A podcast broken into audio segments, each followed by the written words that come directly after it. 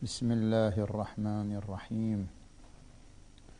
وصلى الله على محمد وآله الطيبين الطاهرين.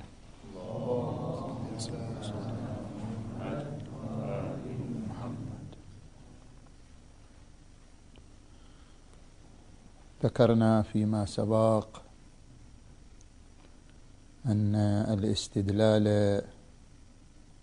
بالإعجاز على صدق النبوة بأحد وجوه ثلاثة. دليل عقلي ودليل وضعي ودليل استقرائي. وذكرنا في بيان الوجه الثاني وهو أن تكون دلالة المعجزة على صدق النبوة بدلالة وضعية أن هذه الدلالة تعتمد على مقدمتين. المقدمة الأولى أن دلالة إعطاء المعجزة بيد مدعي النبوة على صدقه دلالة وضعية وليست دلالة لفظ وليست دلالة عقلية. وبيان ذلك إذا افترضنا أن شخصا قال أنا وكيل لوالدي في معاملاته وإيقاعاته وعقوده وسائر تصرفاته وقد سمع الأب ذلك وقال صدقت أو أنت صادق فيما ادعيت. فإن دلالة قوله صدقت على تصديق مدعي الوكالة دلالة وضعية وليست من باب الاستنتاج العقلي وإنما نفس اللفظ وهو قوله صدقت يدل على بالدلالة الوضعية العرفية على أن المدعي للوكالة صادق في دعواه. كذلك إذا كان التصديق بالفعل لا بالقول كما إذا افترضنا أن الولد قال أنا وكيل من قبل أبي في سائر شؤونه ومعاملاته والدليل على صدقي أنه سيسلمني خاتمه الخاص أو توقيعه الخاص الذي لا يسلمه بيد أحد. هذا هو الدليل على صدقي. ومع التفات الأب إلى دعوى الابن مع ذلك سلمه خاتمه الخاص. أو سلمه توقيعه الخاص. فحينئذ دلالة تسليم التوقيع الخاص أو الخاتم الخاص على صدق الولد في دعواه ليست دلالة عقلية بل هي دلالة وضعية. يعني بعد دعوى الولد أن الدليل على صدقي أن أعطى هذا الخاتم. ومع ذلك الآب مع التفاته إلى ذلك سلمه ذلك الخاتم فهذا يدل على تصديقه إياه وإمضائه كلامه بالدلالة الوضعية بلا حاجة إلى دلالة عقلية. هذه المقدمة الأولى. المقدمة الثانية.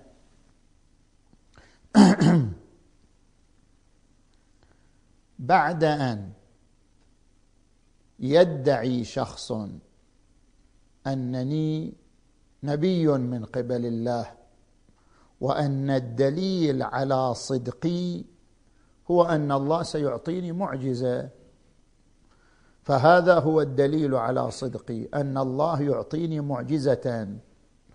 ومع ذلك مع علمه تبارك وتعالى بدعواه مع ذلك أظهر المعجزة على يديه. فإعطاء المعجزة دليل على صدقه بالدلالة الوضعية بلا حاجة إلى تحكيم عقلي. لكن ما الذي يدل على أن هذا التصديق تصديق واقعي لعله تصديق ظاهري. ما الذي يكشف لنا على أنه تصديق واقعي وأنه فعلا نبي من قبل الله تبارك وتعالى؟ نحتاج إلى ضميمة أخرى وهي أن المعطي لهذه المعجزة لا يخطئ ولا يكذب. نظير أن يأتي شخص فيقول أنا رسول لكم من قبل الحاكم الفلاني والدليل على صدقي أن الحاكم الفلاني سلمني خاتمه الخاص وتوقيعه الخاص والحاكم الفلاني فعلا أعطاه ذلك الخاتم الخاص. فهنا نقول ما هو الدليل على أن هذا صادق واقعا؟ بحيث نقطع بأنه صادق. نقطع بأنه بأن دعواه مطابقة للواقع. ما الذي يوصلنا إلى درجة القاطع؟ نحن ما زلنا في المقدمة الأولى نثبت التصديق الظاهري الوضعي. يعني نقول ظاهر إعطائه خاتمه الخاص مع التفاته إلى دعواه ظاهره أنه صدقه هذا مجرد ظاهر. لكن الظاهر لا يعني الوصول إلى النتيجة القطعية. كيف نصل إلى النتيجة القطعية؟ أن المسألة ليست مسألة ظهور فقط. ظهور لفظي ظهور فعلي ظهور وضعي. حتى نصل إلى نتيجة قطعية أن هذا نبي قطعان جزمان. لا بلا تردد. نحتاج إلى ضميمة وهذا ما تتكفل بها المقدمة الثانية. المقدمة الثانية تقول إذا كان من أعطاه الخاتم الخاص لا يخطئ ولا يكذب. أراد أن يعطي غيره فأعطاه. هذا معناه يخطئ. لا نحن نقطع من الخارج أن هذا شخص لا يخطئ. سلمه خاتمه وهو متعمد بدون أي خطأ. نجزم بأنه لا يخطئ. ونجزم بأنه لا يكذب. لعله سلمه الخاتم متعمدا. ولكن أراد أن يكذب على الناس أراد أن يصدقه كذبا على الناس. فنحتاج أيضا إلى العنصر الثاني أنه لا يخطئ ولا يكذب. إذا اجتمع هذان العنصران أنه لا يخطئ ولا يكذب اذا دعوى فلان أنه وكيل أو رسول من قبل الحاكم الفلاني دعوى قطعية دعوى مطابقة للواقع قطعان بدليل أن من أعطاه هذا الخاتم شخص لا يخطئ ولا يكذب. كذلك في ناحية المعجزة. عندما يظهر الله المعجزة على يد شخص يدعي النبوة والله يعلم بدعواه. فالمفروض أن من أعطى المعجزة وهو الله تبارك وتعالى جهة لا تخطئ. أرادت أن تعطي فلان فأخطأت فاعطات فلان. ولا تكذب أرادت أن تظهر امرا خلاف الواقع. فإذا أحرزنا أن الجهة التي هي مصدر الإعجاز وهي الله تبارك وتعالى. جهة لا تخطئ ولا تكذب ثبت لنا من خلال دعوى هذا المدعي أنه نبي حقان بهاتين المقدمتين أثبت دلالة إعطاء المعجزة على صدق النبوة دلالة وضعية. لكن هذا الاستدلال أيضا كما ناقشنا في الأسبوع السابق الاستدلال الأول وهو الاستخدام للدلالة العقلية. هذا الاستدلال أيضا محل تأمل ومناقشة. والوجه في ذلك أننا لا نناقش في المقدمة الأولى. نعم هناك دلالة وضعية على التصديق. شخص يقول أنا رسول من قبل فلان ودليل صدقي أنه سيعطيني خاتمه الخاص وهو يعطيه خاتمه مع التفاته إلى دعوة. هذا تصديق لدعوة. لكن هذا على مستوى التصديق الظاهري. نحن نريد بالمقدمة الثانية أن نتطور وننتقل من التصديق الظاهري إلى التصديق الواقعي. أنه صادق واقعا. بمعنى أن نحصل على الجازم والقاطع بصدقه في دعواه. هذا ما نريد الوصول إليه بالمقدمة الثانية. فنقول في المقدمة الثانية لا يكفي أن نحرز أنه لا يخطئ ولا يكذب. لا يكفي. حتى نقطع بصدق نبوته نحتاج إلى عنصر ثالث وهو قبح التغرير قبح الكذب. بدون هذا العنصر الثالث لا نستطيع أن نجزم بأنه صادق في نبوته. والسر في ذلك أنه عندنا نحن ثلاثة أسئلة. السؤال الأول أنه لعل من أعطاه المعجزة أخطأ. كان يريد أن يعطي غيره فأعطاه. كما يقولون كان يريد أن ينزل الوحي على بعض الصحابة فأخطأ فأنزله على مثلا النبي صلى الله عليه وآله. لعله أخطأ. نقول ها لأننا نحرز أنه تبارك وتعالى مقتضى علمه وحكمته أنه لا يخطئ. هذه العنصر مؤمن مضمون. نأتي إلى السؤال الثاني. السؤال الثاني لعله يكذب والعياذ بالله. يعني مع علمه بأنه فاشل وأن دعواه النبوة كذبا.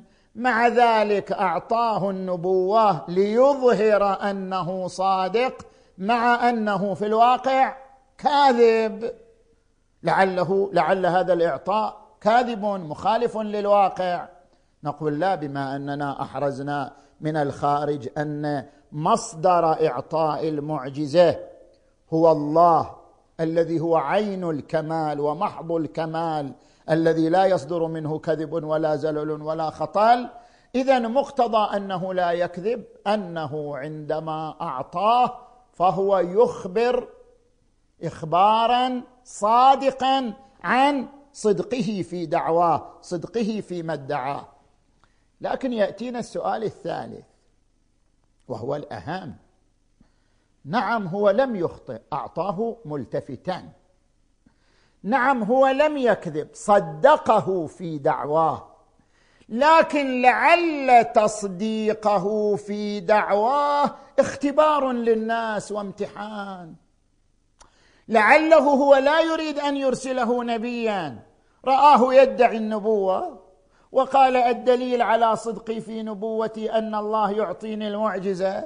والله سبحانه وتعالى مع ذلك أعطاه المعجزة لكن لم يعطه المعجزة لأنه سيرسله واقعا. وإنما امتحانا للأمة اختبارا لإيمانهم اختبارا لالتفاتهم حول ربهم تبارك وتعالى. فالإعطاء إعطاء امتحاني. من أين نحرز؟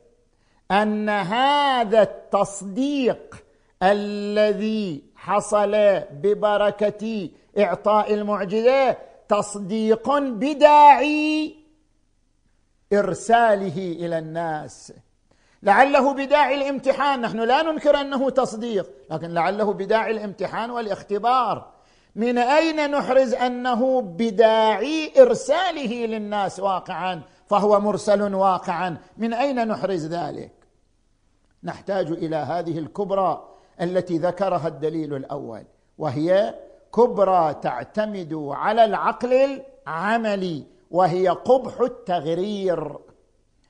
إذا كان الله عالما بأن من أعطي المعجزة سيصدقه الناس في أنه نبي وهو مع ذلك ليس بنبي واقعا هو مو عازم على إرساله. وإنما أعطاه امتحانا للناس.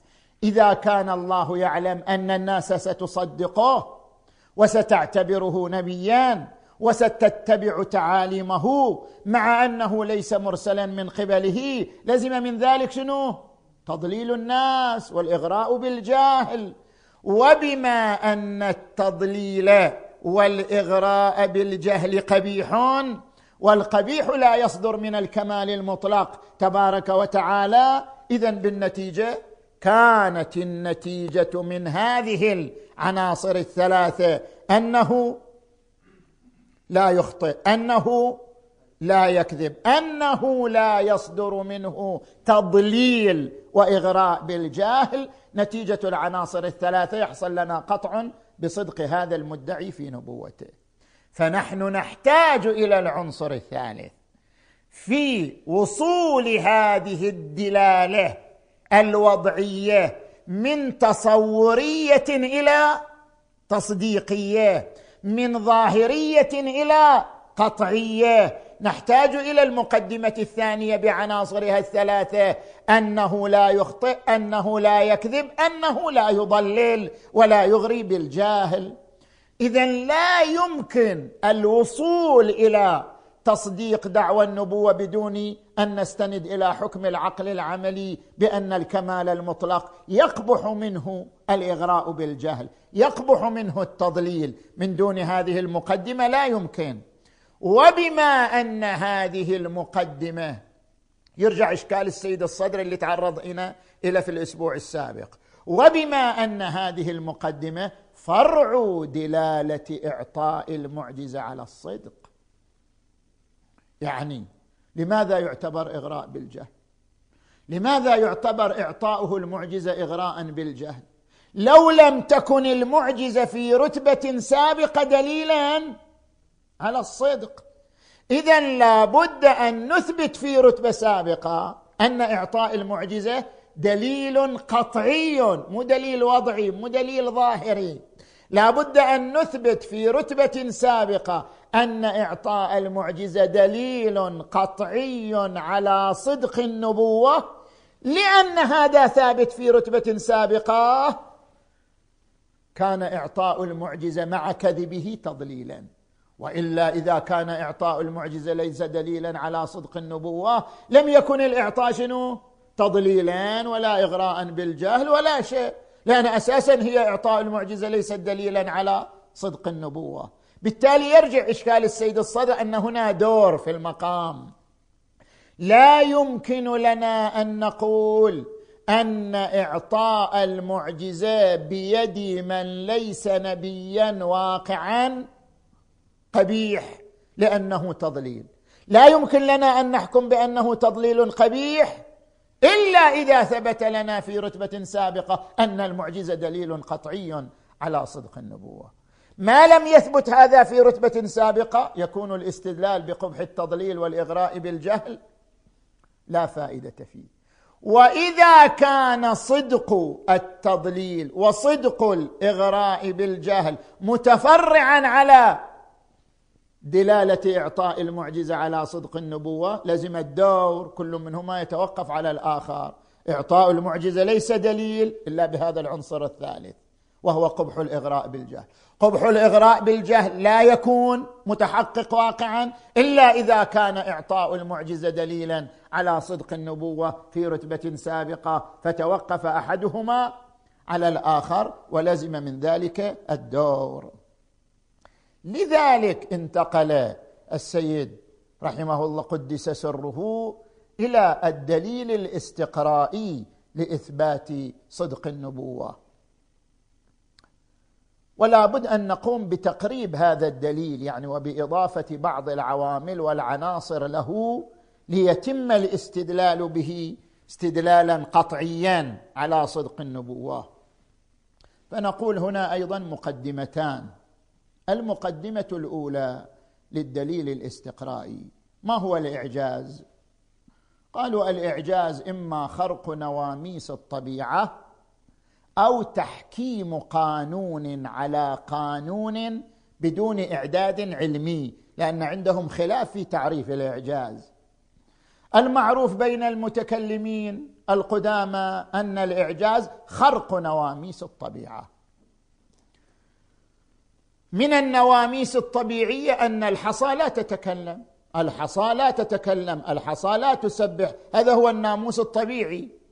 فعندما تسبح الحصى في يد شخص فهذا خرق للناموس الطبيعي. يعني أن الله تبارك وتعالى عطل القانون الطبيعي وأظهر ما هو خلافه. أظهر ما هو خرق له. الإعجاز خرق للناموس الطبيعي الناموس الطبيعي أن الحصى لا تسبح فإذا سبحت فهذا تعطيل للقوانين. هذا تعريف. تعريف الآخر الذي آه، ذكره السيد الطباطبائي صاحب الميزان وتلميذه الشيخ المطهري رحمهما الله تعالى أن الإعجاز تحكيم قانون على قانون لكن بدون إعداد علمي. كأنما لأن نحن لسنا في مناقشة تعريف الإعجاز إنما نذكر التعريفين. كأنما في ذهنهما لا يمكن خرق نواميس الطبيعة. خرق نواميس الطبيعة أمر مستحيل لا يمكن. لا يمكن خرق نواميس الطبيعة. إنما تحكيم قانون على قانون. أي عندنا قانون مقتضى هذا القانون أن لا تسبح الحصى أن لا تسبح الحصى أن لا تتكلم الحصى. مقتضى القانون هكذا. لكن حتى نجعل من الحصى مسبحا نحتاج إلى قانون آخر يكون حاكما على هذا القانون. وكلاهما قانون طبيعي القانون الأول والقانون الثاني. لكن تحكيم القانون الثاني على القانون الأول إذا كان بمقدمات علمية هذا ليس اعجازا لأنه عالم بالطبيعة استخدم المقدمات العلمية وصل إلى تحكيم قانون على آخر. أما إذا كان تحكيم قانون على قانون لحظي لحظيا دفعيا بدون شنو؟ بدون مقدمات علمية كان ذلك اعجازا. فالإعجاز ليس خرقا لنواميس الطبيعة الإعجاز تحكيم قانون على قانون بدون مقدمات علمية. يعني أن التحكيم لحظي دفعي ولأن هذا التحكيم لحظي دفعي كشف عن تدخل مباشر من خالق الطبيعة في هذا المورد أن خالق الطبيعة تدخل تدخلا مباشرا حكم قانونا على قانون آخر بدون مقدمات علمية. اذا بعد الفراغ عن تعريف الإعجاز سواء عرفنا الإعجاز بالنحو الأول أو عرفنا الإعجاز بل بالنحو الثاني بالنتيجة هذا العمل لا يصدر من الإنسان. تسبح الحصى على يده يحن الجذع إليه ينشق القمر له هذا العمل لا يصدر من الإنسان. بما أن هذا العمل خرق للنواميس أو تحكيم قانون على قانون بدون مقدمات علمية اذا هذا العمل صادر من المتصرف في الطبيعة. خالق الطبيعة المتصرف في شؤونها. فنحن بالمقدمة الأولى أثبتنا بدليل حساب الاحتمالات أن هذا العمل تدخل مباشر من بارئ الطبيعة وهو الذي نسميه بالإعجاز. هذه المقدمة الأولى. نجي إلى المقدمة الثانية. هذا العمل إعجاز لكن ما هو وجه الدلالة؟ يعني لماذا هذا العمل يدل على أن بيد من بيده المعجزة شنو؟ نبي. هو لعله كاذب. لعل الله يعطي المعاجز بيد الكذبه ممكن. ما هو الذي ما الذي ينفي هذا الاحتمال؟ ما الذي ينفي لنا احتمال أن من أعطي المعجزة كاذب؟ لعل الله يعطي الإعجاز بيد الكذبه بيد المدعين لمصلحة لحكمة من الحكم. ما هو دليلنا على أنه نبي؟ هنا ذكرت في بعض كلمات تلامذة السيد الشهيد قدس سره محاولة لي الانتقال من المقدمة الأولى وهو أن هذه معجزة إلى النتيجة وهي أن هذه المعجزة تدل على صدق هذا المدعي في نبوته. نأتي إلى الوجه الأول. الوجه الأول أننا بدليل حساب الاحتمالات نطبق كبرى على صغرى. الكبرى هي من يعطى المعجزة فهو صادق. من يتصل بعبارة أدق. من يتصل به بارئ السماء من خلال المعجزة لأن إعطاء المعجزة على يده اتصال به بعد. من يتصل به بارئ السماء وخالق الطبيعة عن طريق الإعجاز فهو صادق بدليل حساب الاحتمالات نثبت ذلك. وبما أن هذه الكبرى انطبقت على موسى عيسى على النبي محمد صلى الله عليه وآله اذا فبالنتيجة هو صادق تطبيق الكبرى على الصغرى. هذا ما نقله بعض تلامذة السيد الشهيد في كتابه مباحث الأصول عن أستاذه أنه من خلال تطبيق الكبرى على الصغرى نثبت صدقه في نبوته. طبعا بهذا المقدار نحن لم نصل إلى نتيجة لأنه لم يبين لنا ما هي ما هي النكتة في الربط. ما هي النكتة؟ ما هي نكتة الربط بين إعطائه المعجزة اتصال الله به؟ نعم الله اتصل به. الله اتصل به وعن طريق هذا الاتصال أعطاه المعجزة. ما هو الدليل على نبوته؟ ليس الكلام في الاتصال. ليس الكلام في طبيعي اتصال الله به. ليس الكلام في إظهار الله المعجزة على يده. الكلام في أنه نبي مرسل.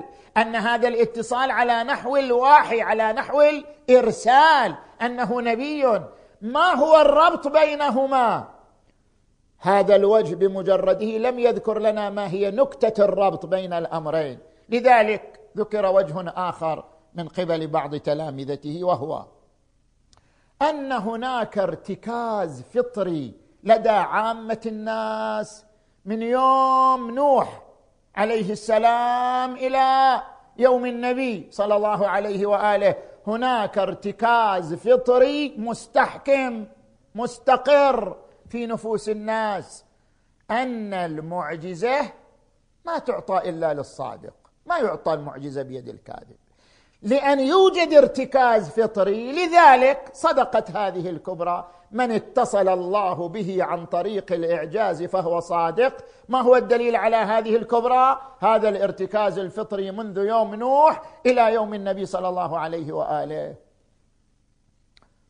طبعا هذا الوجه أيضا محل مناقشة يعني. متى ثبت هذا الارتكاز الفطري؟ وما هي الشواهد مع أننا نجد كثيرا من الأنبياء شنو؟ كذبوا واعتبر ما أعطوا سحرا واعتبر ما أعطوا مثلا تمويها. من أين هذا الارتكاز الفطري الذي يدعى أنه منذ يوم نوح إلى يوم النبي أكو ارتكاز فطري؟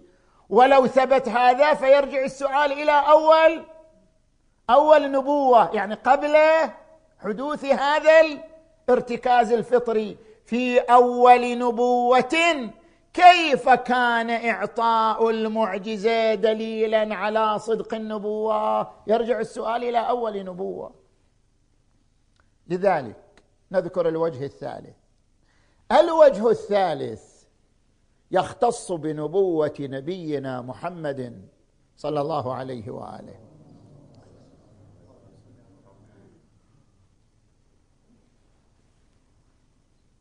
الوجه الثالث يرتكز على أن المعجزة هي وحيانية.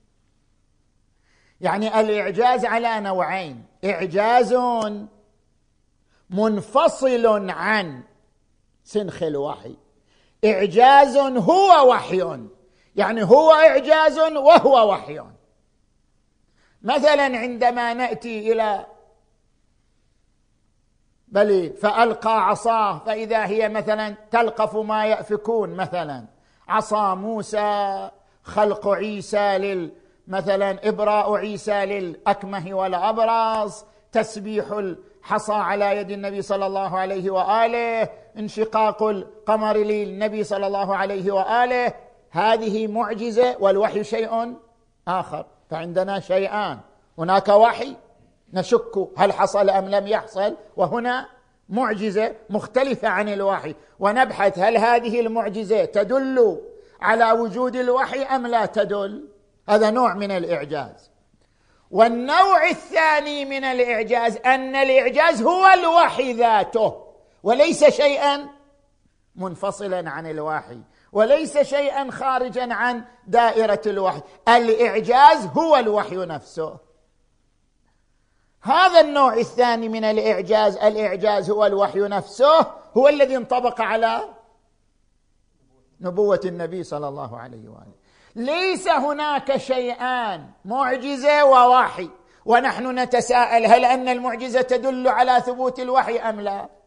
المعجزة هي نفس الوحي وليس شيئا آخر وذلك إذا طبقنا دليل حساب الاحتمالات الذي ذكره السيد الصدر قدس سره وهو أنه نظرنا إلى هذا الكتاب الموحى.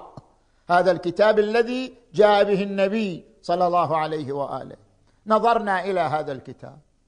وجدنا في هذا الكتاب من جهة منظومة غيبية متناسقة متكاملة لا تصدر من شخص لا علاقة له بعالم الغيب منظومة غيبية متناسقة متكاملة لا تصدر إلا من جهة مطلعة على عالم الغيب ومجرياته وفصوله وشؤونه. نأتي إلى منظومة أخرى منظومة قانونية تشريعية متسلسلة يكمل بعضها بعضا. لا تصدر إلا عن مقنن حكيم. لا تصدر من شخص متطفل أو شخص كاذب أو شخص ليس في هذا العالم. لا تصدر إلا من مقنن حكيم. نجي إلى منظومة ثالثة. منظومة تاريخية وهي قصة الإنسان من يوم آدم حتى يوم النبي صلى الله عليه وآله. قصص متسلسلة بشواهدها ببراهينها. لا تصدر إلا ممن صنع هذه القصة. يعني لا تصدر إلا ممن صنع هذا التاريخ. وواكب هذا التاريخ فصلا فصلا جيلا جيلا. هذا المنظومة الثالثة. المنظومة الرابعة منظومة تربوية خلقية. ضمت منبهات ومثيرات إلى مكارم الأخلاق عند الإنسان لا تصدر إلا ممن صاغ روح الإنسان وصاغ نفسية الإنسان وفطرة الإنسان بحيث وضع المنبهات والمثيرات على مكارم الأخلاق في فطرة الإنسان. والعنصر الخامس أن كل هالمنظومات من منظومة قانونية ومنظومة غيبية ومنظومة أخلاقية تربوية ومنظومة تاريخية كل هذه المنظومات صيغت في ثلاث وعشرين سنة بنفس واحد وبأسلوب واحد وبطريقة بلاغية واحدة لا اختلاف فيها لا تخلف فيها.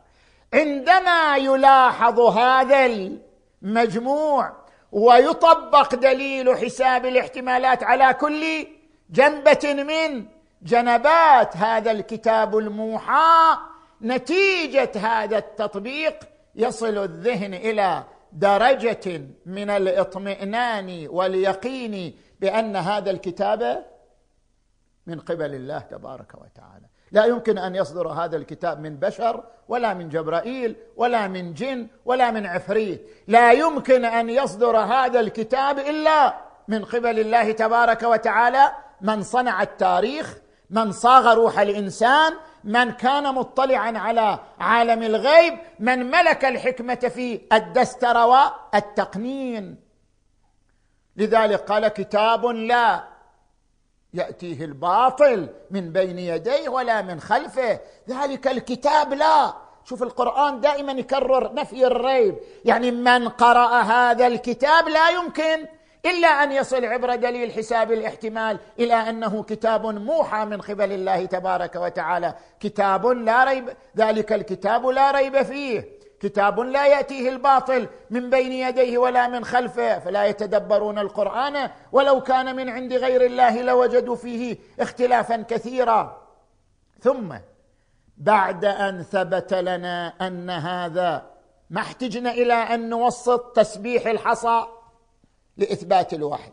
أو انشقاق القمر لإثبات الوحي. جئنا مباشرة إلى أن الإعجاز هو نوع من الوحي.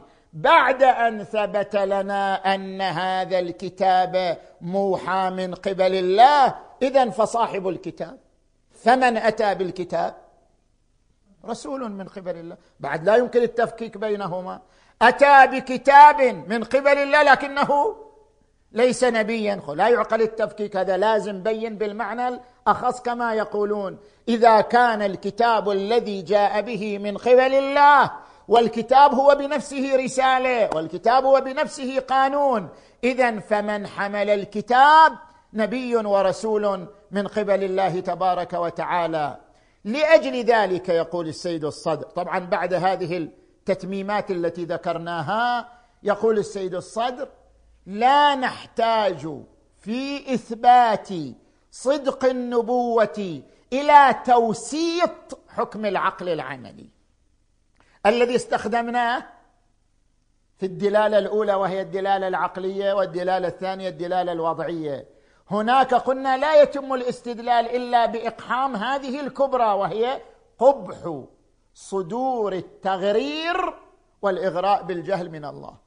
هناك احتجنا إلى هذه الكبرى وهي أنه لو لم يكن هذا صادقا لكان إعطاؤه المعجزة تضليلا واغراء بالجهل والتضليل والإغراء بالجهل لا يصدر من الكمال المطلق تبارك وتعالى. هذه الكبرى لا نحتاجها في الدلالة الثالثة لأنها استنتاج واعتماد على الدليل الاستقرائي. فظهر بذلك. لأن إحنا كنا دخلنا في هذا البحث باعتبار أنه هناك من أشكل على المحدثين بأنكم إذا لم تعترفوا بأن العقل مصدر لاستنباط الأحكام الشرعية إذا لم تعترفوا بذلك يلزمكم أن لا تستطيعوا إثبات نبوة النبي صلى الله عليه وآله لأنه لا يمكن إثبات نبوة النبي إلا عن طريق حكم العقل العملي سيد الصدر دافع عن هؤلاء المحدثين. قال لا. لا يتوقف إثبات نبوة النبي على استخدام العقل العملي حتى ينقض على المحدثين بأنكم إذا لم تعتبروا العقل العملي مصدرا للأحكام الشرعية اذا لا يمكنكم إثبات نبوة النبي. بإمكان المحدثين أن يدافعوا عن أنفسهم ويقولون نحن لا نعتمد العقل العملي مصدرا. لاستنباط الأحكام الشرعية ولا يرد علينا هذا النقد لأننا نستطيع أن نثبت نبوة النبي صلى الله عليه وآله عن طريق الدليل الاستقرائي لا عن طريق استخدام العقل العملي. ويأتي مواصلة الكلام إن شاء الله تعالى في الأسبوع القادم. والحمد لله رب العالمين والصلاة والسلام على محمد وآله الطيبين الطاهرين.